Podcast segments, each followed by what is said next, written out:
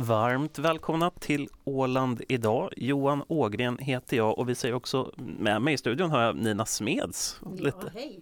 Sådär gör Sådär, nu får jag vara med och höras. Vi säger också välkommen till Alfons Röblom som är talesperson, i praktiken en av två partiledare för det nya partiet Hållbart initiativ. Tack så du ha. För ett par månader sedan var du väl inte ens politiskt aktiv. Nu så är du partiledare. Eh, hur gick det till? Jag var nog politiskt aktiv för ett par månader sedan men i en annan kontext. Jag jobbar ju i EU-parlamentet som parlamentarisk assistent till en miljöpartistisk EU-parlamentariker. Och sen när jag kom hem därifrån så eh, var jag i ett, eh, först i ett läge av att komma hem och anpassa mig till en ny, ny, ny gammal miljö och tillvaro. Och då hade de här diskussionerna om hållbart initiativ pågått sedan vintern ungefär och jag hade varit med på ett hörn mera ur min synvinkel då, eh, i olika Facebook-diskussioner och sånt. Och, och sen vid, eh, vid något tillfälle där så kände jag att eh, nej, att det är nog dags att för mig att ta det här steget och att ta hem lite av den kunskap och erfarenhet jag har från, från det politiska arbetet i EU-parlamentet och göra det jag kan för att eh, bidra i byggandet av Åland. Men vi kan väl börja med att reda ut här. Eh, är ni Ålands naturmiljö eller är Ålands naturmiljö hållbart initiativ? Eller finns det inga beröringspunkter alls? Hållbart initiativ är ju ett helt fristående parti och det består ju delvis av folk som har varit aktiva och verksamma i Ålands natur och miljö men det består ju också av folk som till exempel jag som inte har varit det. Så att eh, vi är ett helt fristående parti och, och, och, det, och Ålands natur och miljö fortsätter med sitt värdefulla arbete. Ja, eh, men nu ska vi gå in på de heta frågorna här och första punkten är självstyrelsen. Eh, under den här mandatperioden så föll försöken att skapa en ny självstyrelselag. Hur viktigt är det att den förnyas? Jag tycker att det är jätteviktigt att den förnyas så att eh, vi får en dynamisk självstyrelse som där Åland har möjlighet att ta över sådana områden som Åland känner att man vill ta över och, och har nytta av att ta över. Vad är viktigast i den? Vad måste den innehålla? Eh, jag, tycker just den här flexibiliteten och, och, och dynamiken, faktiskt att det finns ett att det inte är ett, ett statiskt läge där, där man bestämmer att Finland gör det här och Åland gör det här och så ska det till sådana evighetslånga diskussioner och drabbningar så fort man vill, man vill eh, ta över någonting och utveckla den utan det ska, det ska kunna ske på enklare väg. Hur eh, är ditt parti beredda att förhandla fram en ny självstyrelselag? Genom att eh, delta i sådana diskussioner naturligtvis. Jag tycker att självstyrelsen är väldigt intressant ur ett, ur ett hållbarhetsperspektiv också, både ekologiskt och socialt. Därför att eh, för att man ska få med folk på, på i omställningen mot ett hållbarare samhälle så, så är det ju viktigt med den här deltagande känslan. Och där tycker jag att Åland i sin litenhet med en stark självstyrelse kan göra väldigt mycket spännande saker. Mm. Eh, Sverige är ju garant för det svenska språket och svenska kulturen på Åland enligt Ålandsöverenskommelsen från 1920-talet. Eh, tycker du att svenskarna uppfyller sitt åtagande?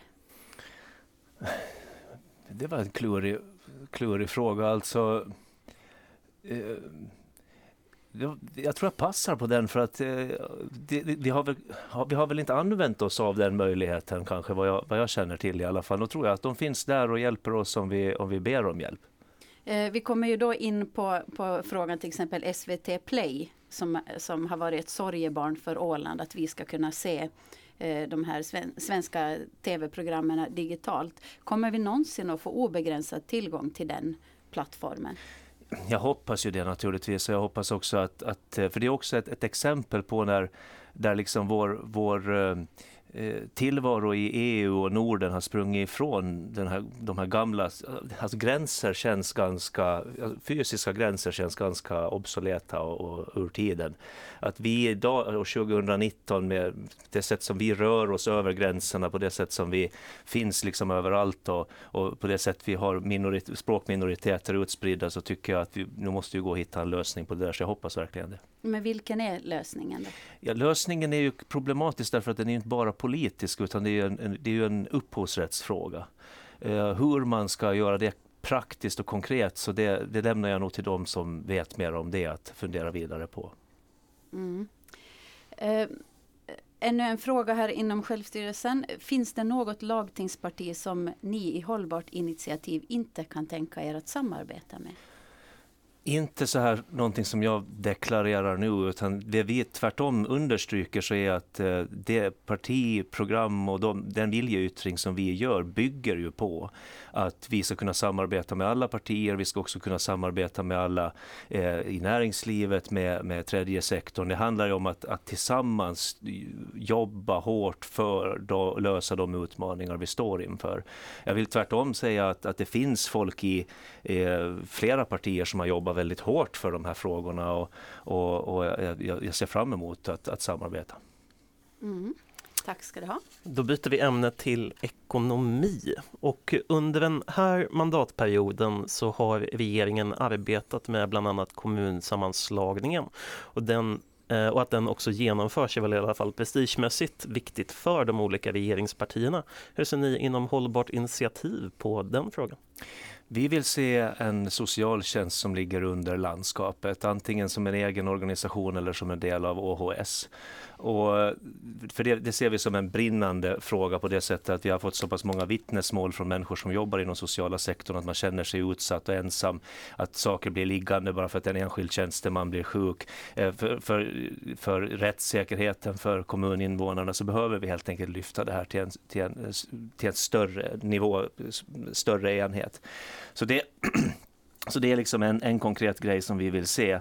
Sen finns det också hållbarhetsvinster på att organisera om Åland i större enheter med tanke på markplanering, med tanke på avfallshantering och, och så där vidare. Men, men eh, där kommer det igen mot den här sociala hållbarhetsaspekten. Att vi vill ju inte heller riva upp eh, saker och få folk att känna att deras identitet är ifrågasatt och sånt. Så, att, så vi, vi, där skyndar vi lite mer långsamt. Så vi ser inte en, en själv självklarhet, självklar vinst i att slå ihop kommuner i sig. Och så har vi den här eh, eh, kortrutten och här har ju Ålands natur och miljö då tidigt i processen lanserat snabbrutten. Vad, vad är snabbrutten? Det får du fråga Ålands natur och miljö om.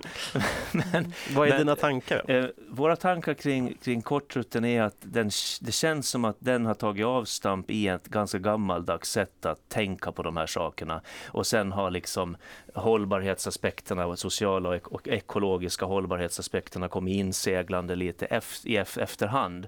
Och det betyder att vi ställer oss högst tveksamma till den och vi skulle vilja se ett omtag på den, hela den frågan och försöka hitta en helhetslösning, ta ett helhetsgrepp för hela skärgårdstrafiken där den ekologiska och sociala hållbarheten eh, lyfts upp betydligt mycket mera nu. Och att inte låsa fast skärgårdstrafiktänket i, i ett gammaldags tänk där man via vägar och broar och bankar ska lyckas, ska kunna köra runt med sin bil Eh, till, till, på, det, det, känns på något vis, varför ska vi bygga så? Att istället hitta ett sätt där man kanske med hjälp av klimatsmart tonnage eh, med snabba eh, persontransporter, kanske till och med kunna transportera folk hela vägen in till Mariehamn i persontransportsystem och sånt här. Så vi, vi vill ha ett omtag på den frågan. Men att transportera om människor så att de skulle komma hela vägen till Mariehamn då i det här fallet, skulle det vara möjligt under den här nästkommande mandatperiod? Jag tror, ja, tidsaspekten på det, jag tror inte att det skulle vara något helt omöjligt att få igång ett, eh, ett arbete som leder till att vi har persontransporter inom de kommande fyra åren, det tror jag inte. Turismen är ju en av Ålands absolut viktigaste näringsgrenar. Hur ska vi få fler turister att besöka Åland och dessutom kanske välja att övernatta här? Bland annat genom att öka ehm, eh, prioritera upp att hålla våra naturvärden i skick. Alltså vi, vi, vi snackar ju om, det har ju vi pratat om i många herrans år, att vi måste eh, jobba hårdare för att få bättre vatten, vattenkvalitet, att rädda Östersjön. Eh, vi måste också, och det, och det arbetet måste fortsätta i ännu högre skala. Vi måste eh, se till att liksom, värdet i naturen och, och, och, miljön prioriteras upp helt enkelt så att det blir intressant för den så kallade ekoturismen att söka sig till Åland. Den ökar markant i Sverige till exempel. Och, och får vi en, en beskärd del av den kakan så kommer det att innebära ganska mycket. Och då gäller, och där finns det förstås utmaningar i att, att kunna erbjuda högklassig och, och högklassiga boenden för de som vill ha det och, men också erbjuda möjligheter för de som vill bo lite enklare som skärmas av det. Där finns också en stor tysk marknad som, som är intresserad av sånt. Eh, och ett konkret problem är att nästan alla som besöker Åland i nuläget att de blir kvar på båtarna egentligen. Det går aldrig i land. Eh, de här båtarna, är det en hållbar industri eller är det bara ett sätt att förvandla kolväten till dividender? Det har ju kommit rapporter om att, att uh, utsläppen från de här kryssningsfartygen är, är ganska betydande och det är för, naturligtvis ett stort problem. Uh, och där vet jag att det görs arbete inom, inom branschen så gott man kan och, så, och, så, och en hel del för att, för att göra det mer och mer miljövänligt och klimatsmart de här färjorna. Och det är nog den vägen som, som vi får gå åtminstone inom överskådlig framtid att, att öka takten och, och där kan samhället också stötta upp så gott vi kan. Att öka takten på, på att göra det mer miljövänligt för att eh, vi är ju som ni vet väldigt beroende av de här färjorna. Public service har varit aktuellt i veckan efter ett styrelsebeslut om en omorganisation. Hur ser du på Ålands Radio och TV?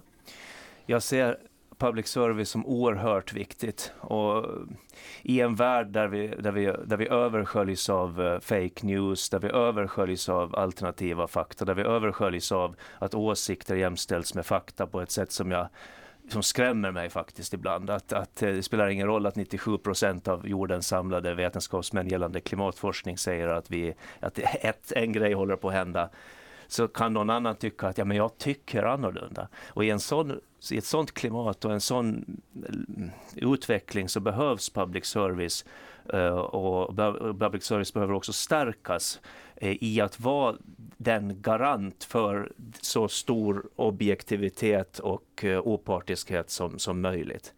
det betyder ju inte att, att man inte kan um, Nej, jag stannar där faktiskt. Jag tycker att det är, det, det är oerhört viktigt. Är det värt pengarna?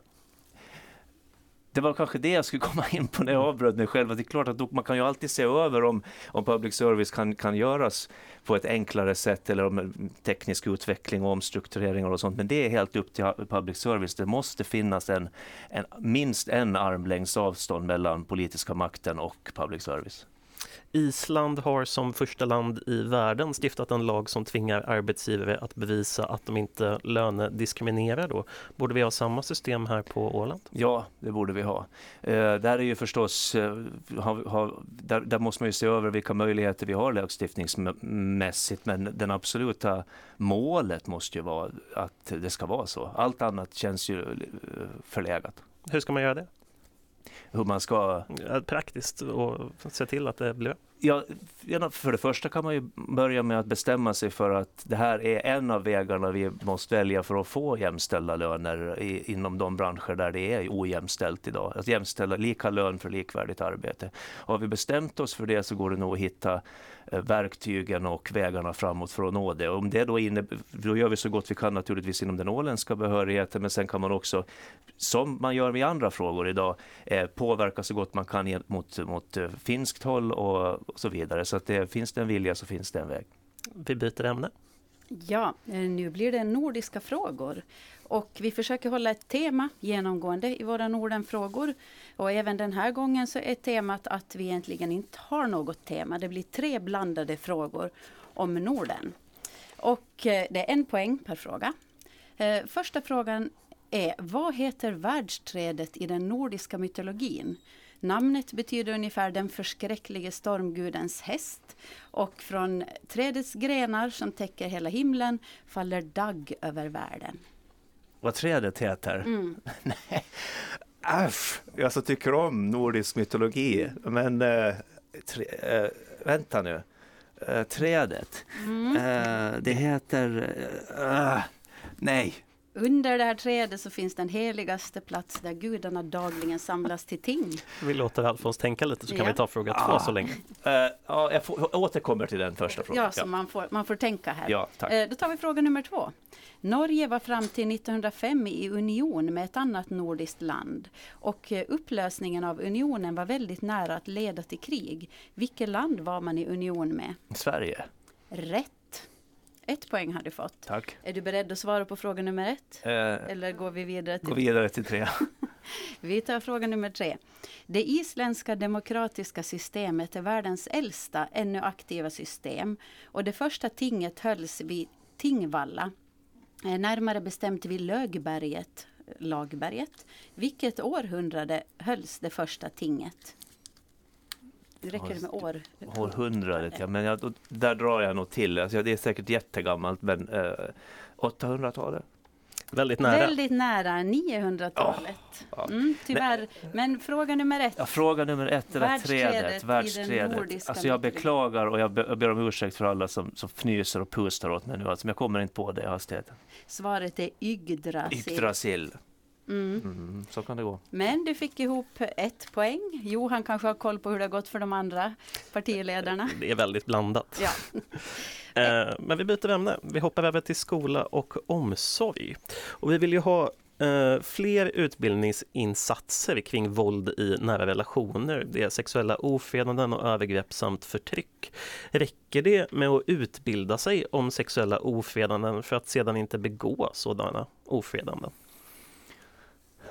Alltså vi, vi, har, vi måste ha absolut nolltolerans i samhället mot, mot sådant beteende och jag, jag tror att utbildning är en viktig del eh, naturligtvis, men det är också viktigt att, att folk föregår med gott exempel. Det är, det är viktigt att eh, personalen i skolorna eh, all personal i skolorna håller ögonen öppna för sådant här beteende och sätter stopp för det när det sker. Alltså, vi måste helt enkelt ständigt och jämt markera på alla tänkbara sätt mot det där.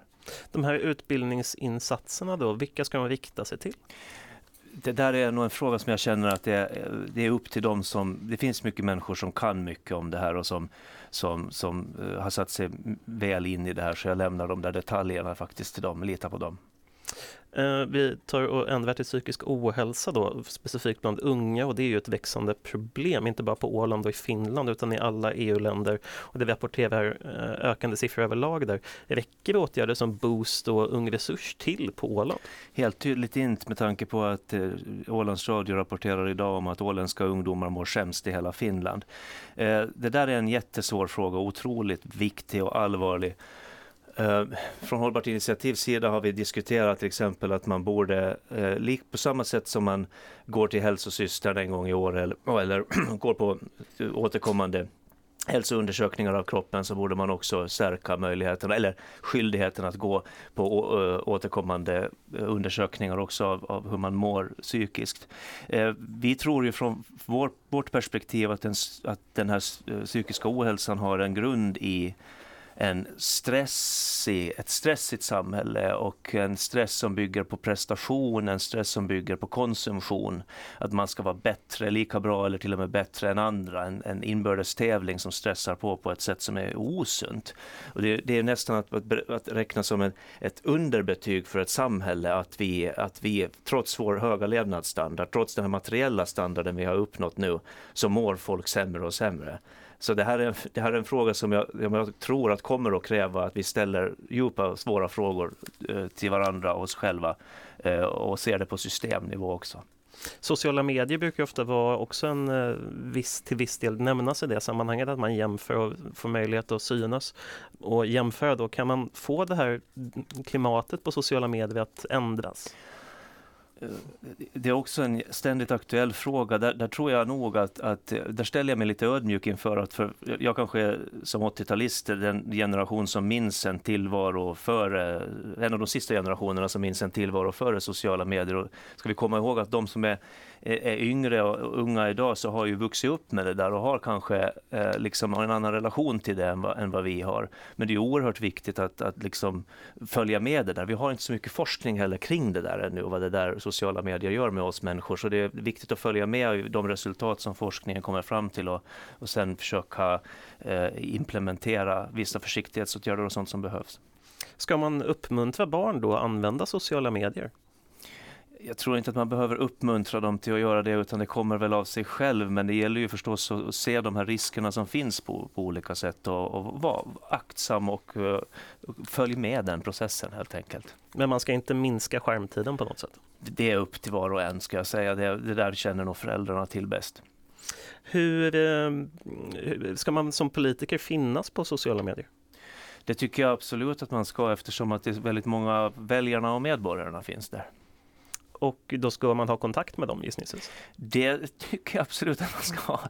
Absolut. Det, det, sociala medier det är en av de positiva grejerna som sociala medier har fört med sig, att det har fört politiker och inflytelserika människor närmare eh, väljare och eh, konsumenter och fans och allting och det är ju en väldigt positiv grej. Mm. Vi byter ämne. Då går vi över till miljö och hållbarhet. FN-organet IPCCs slutsatser är den bästa teori människan har över vad som händer med klimat klimatet, tänkte säga något annat, om vi inte gör något åt det. Och vad vi som mest och bäst kan åstadkomma om vi gör allt vi kan. Eh, bakom slutsats, slutsatserna står en hel världs akademiska kunnande. Ändå finns det högljudda skeptiker som fångar upp de få röster som är av en annan åsikt och som gör allt för att påverka andra som kanske inte alltid har, alltid har den akademiska synen på vad vetenskap är. Hur ska vi möta den här skepticismen och gör det något om den får hållas? Jag var ju lite inne på det där att det är klart att folk får vara skeptiska till vad de vill men, men när det gäller politiskt beslutsfattande så, så måste man ju hålla sig till den bästa kunskap man kan få vid tillfället. Och då menar jag att 97 av forsk, om, om 97% av forskarna säger en sak så tycker jag nog det kvalificerar som den bästa eh, möjliga information vid tillfället. Så att eh, vi följer, jag tycker vi måste följa det som forskarna säger och så låter vi skeptikerna vara skeptiska. Men det blir ju ändå lätt så att skeptikerna får, eh, har ganska höga röster i vårt samhälle det där är ju en, en utmaning vi har, alla politiker som, som, och politiska partier som, som, som då följer forskarna och, och, vill se åtgärder för, för att ställa om samhället. Så är en utmaning, både om man ser då pedagogisk och politisk, att, att liksom, eh, ta, ta sig an det där och, och, jobba emot. För det som du säger, att de får lätt mycket röster. Mycket därför att man, det, det nya kanske skrämmer och man tycker att man är rädd för att det, det, det liv man har byggt upp ska på något vis tas ifrån en. Eh, men jag, vi från Hållbart initiativ, vi vill ju gärna gärna trycka på det att det, det är också väldigt, det, här, det finns ju mycket spännande i omställningen. Det finns nya möjligheter, det finns nya saker som vi inte ens känner till idag som kan komma i det. Det, det är inte så att vi vill stänga ner och ta varje människas V8 och slänga den i sjön liksom, utan det, vi, men vi vill på, påbörja en process där mycket nya spännande grejer kan komma in. Och det är också viktigt att poängtera. Jag hör ofta här på Åland att Åland är för litet för att göra någonting. Det spelar ingen roll. Det är ju Kina som ska göra det. Jag tycker att den här om, processen för en, omställningen till, en, till, ett hållbart samhälle sker på alla nivåer samtidigt. Individ, kommun, landskap, nation, union och internationellt. Och det sker en dynamik däremellan hela tiden i utbyte av idéer och, och, och sådana saker. Och, och för Åland tycker jag också det är en självstyrelsefråga. Jag tycker det är självstyrelsepolitiskt märkligt att sitta och säga att Kina ska göra någonting. Varför ska vi inte kunna göra någonting själva då plötsligt? Mm. När världen stod inför ett växande ozonhål så lyckades alla nationer gå samman och underteckna ett protokoll som ledde till ett världsomspännande förbud mot eh, det som allmänt kallas freon. Och sen har ozonlagret hämtat sig. Nu håller jorden på att förvandlas till en syrefattig bastu och då har vi gått ihop och skrivit under Parisavtalet men den här gången så håller etablissemanget emot. Till exempel USA och Brasilien är inte ens med. Är det kört för världen nu? Kommer vi att klara av målen? Det är absolut inte kört för världen. Det, det, det, det tycker jag nog att så kan man inte tänka. Det. Vi kan göra mycket och, och, och, vi ska göra mycket men visst är det ju förvånansvärt att vi 2019 med all den kunskap vi har idag ser ledare som Bolsonaro, och Trump och Johnson och, och de här som som tar det där så lättvindigt. Jag tycker också det är ekonomiskt märkligt. Om Trump säger sig vara eh, finansman och så tycker han att, att, att, man ska satsa på fossila bränslen. När hela finansmarknaden och hela liksom, alla som tänker det där, kring det där menar att, att det, det, det, är inte en bra investering därför att det kommer att vara obsolet inom ett, ett par år. Så att eh, nej, hållbart, vi, vi fortsätter. Hållbarhet och, och förnyelsefart. Men vi... kommer vi att klara målen? Ja. ja jag, jag, kan inte, jag, jag, kan inte eh, lova att vi kommer att klara målen men jag kan definitivt lova att vi inte ger upp kampen i att nå målen. Mm. Eh, Åland har en liten men uthållig industri. Är den hållbar? Det varierar väl, men jag vet att det, är klart att, att åländska affärsmän och näringsidkare också påverkas av och också mm, vill dra sitt strå till stacken för, för, eh, liksom i en omställning för hållbarhet. Och, och jag kan inte säga att, att den åländska industrin är hållbar men, men eh, jag, jag, tycker, jag uppskattar väldigt mycket där, de steg som har tagits och som tas och den goda vilja som visas. Mm. Ni skriver i ert program att vi ska dessutom ha en så hög självförsörjningsgrad som bara är möjligt med sikte på 80 till 90 procent. Självförsörjning av vad?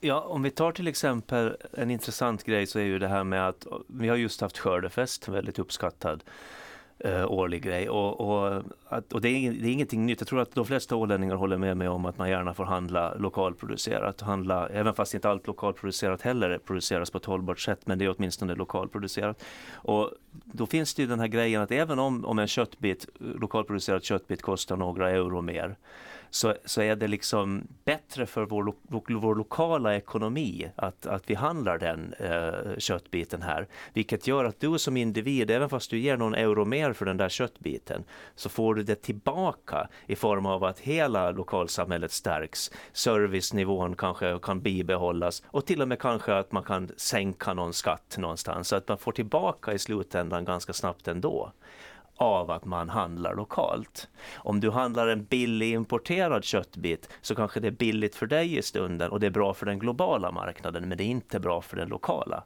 marknaden. Men om alla tänker så där, vart ska Åland exportera sitt smör och sin mjölk? Uh, där satte du mig lite på pottan faktiskt. Eh, nej, men alltså jag, jag, tror att ju mer vi stärker liksom eh, den hållbara stämpeln på åländska produkter, desto det är klart att det då kommer att vara attraktivt också för andra områden och, och människor och konsumenter att, att eh, köpa in det. Mm. Eh, en, en fråga här, borde cannabis eh, legaliseras eller avkriminaliseras på Nej. Åland? Nej. Nej Hur båda. kommer det sig? Mm ja, hur det kommer sig. Alltså vi behöver inte flera eh, stimulantia som, som är tillgängliga. Tvärtom så måste vi röra oss bort från, från det som, vi måste försöka röra oss bort från behovet av att berusa sig. Om man berusar sig eh, så är det ju inte alltid bara för att ha kul utan det är för att döva någon ångest eller någonting och det är liksom ett symptom för någonting annat. Så vi måste röra oss bort från det och inte öppna upp för flera. Gäller det även alkohol då?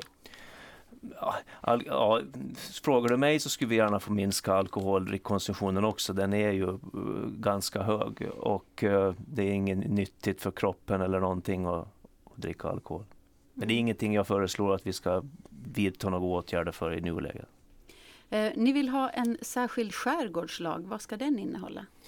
Där vill vi i samråd och nära diskussion med skärgårdsborna eh, diskutera hur man skulle kunna stadga i lag saker som gör det liksom mer mm, eh, eh, attraktivt att och, och, och, lättare att etablera nya, ny verksamhet i skärgården och att flytta till skärgården. Och, och helt enkelt sätta en, en eh,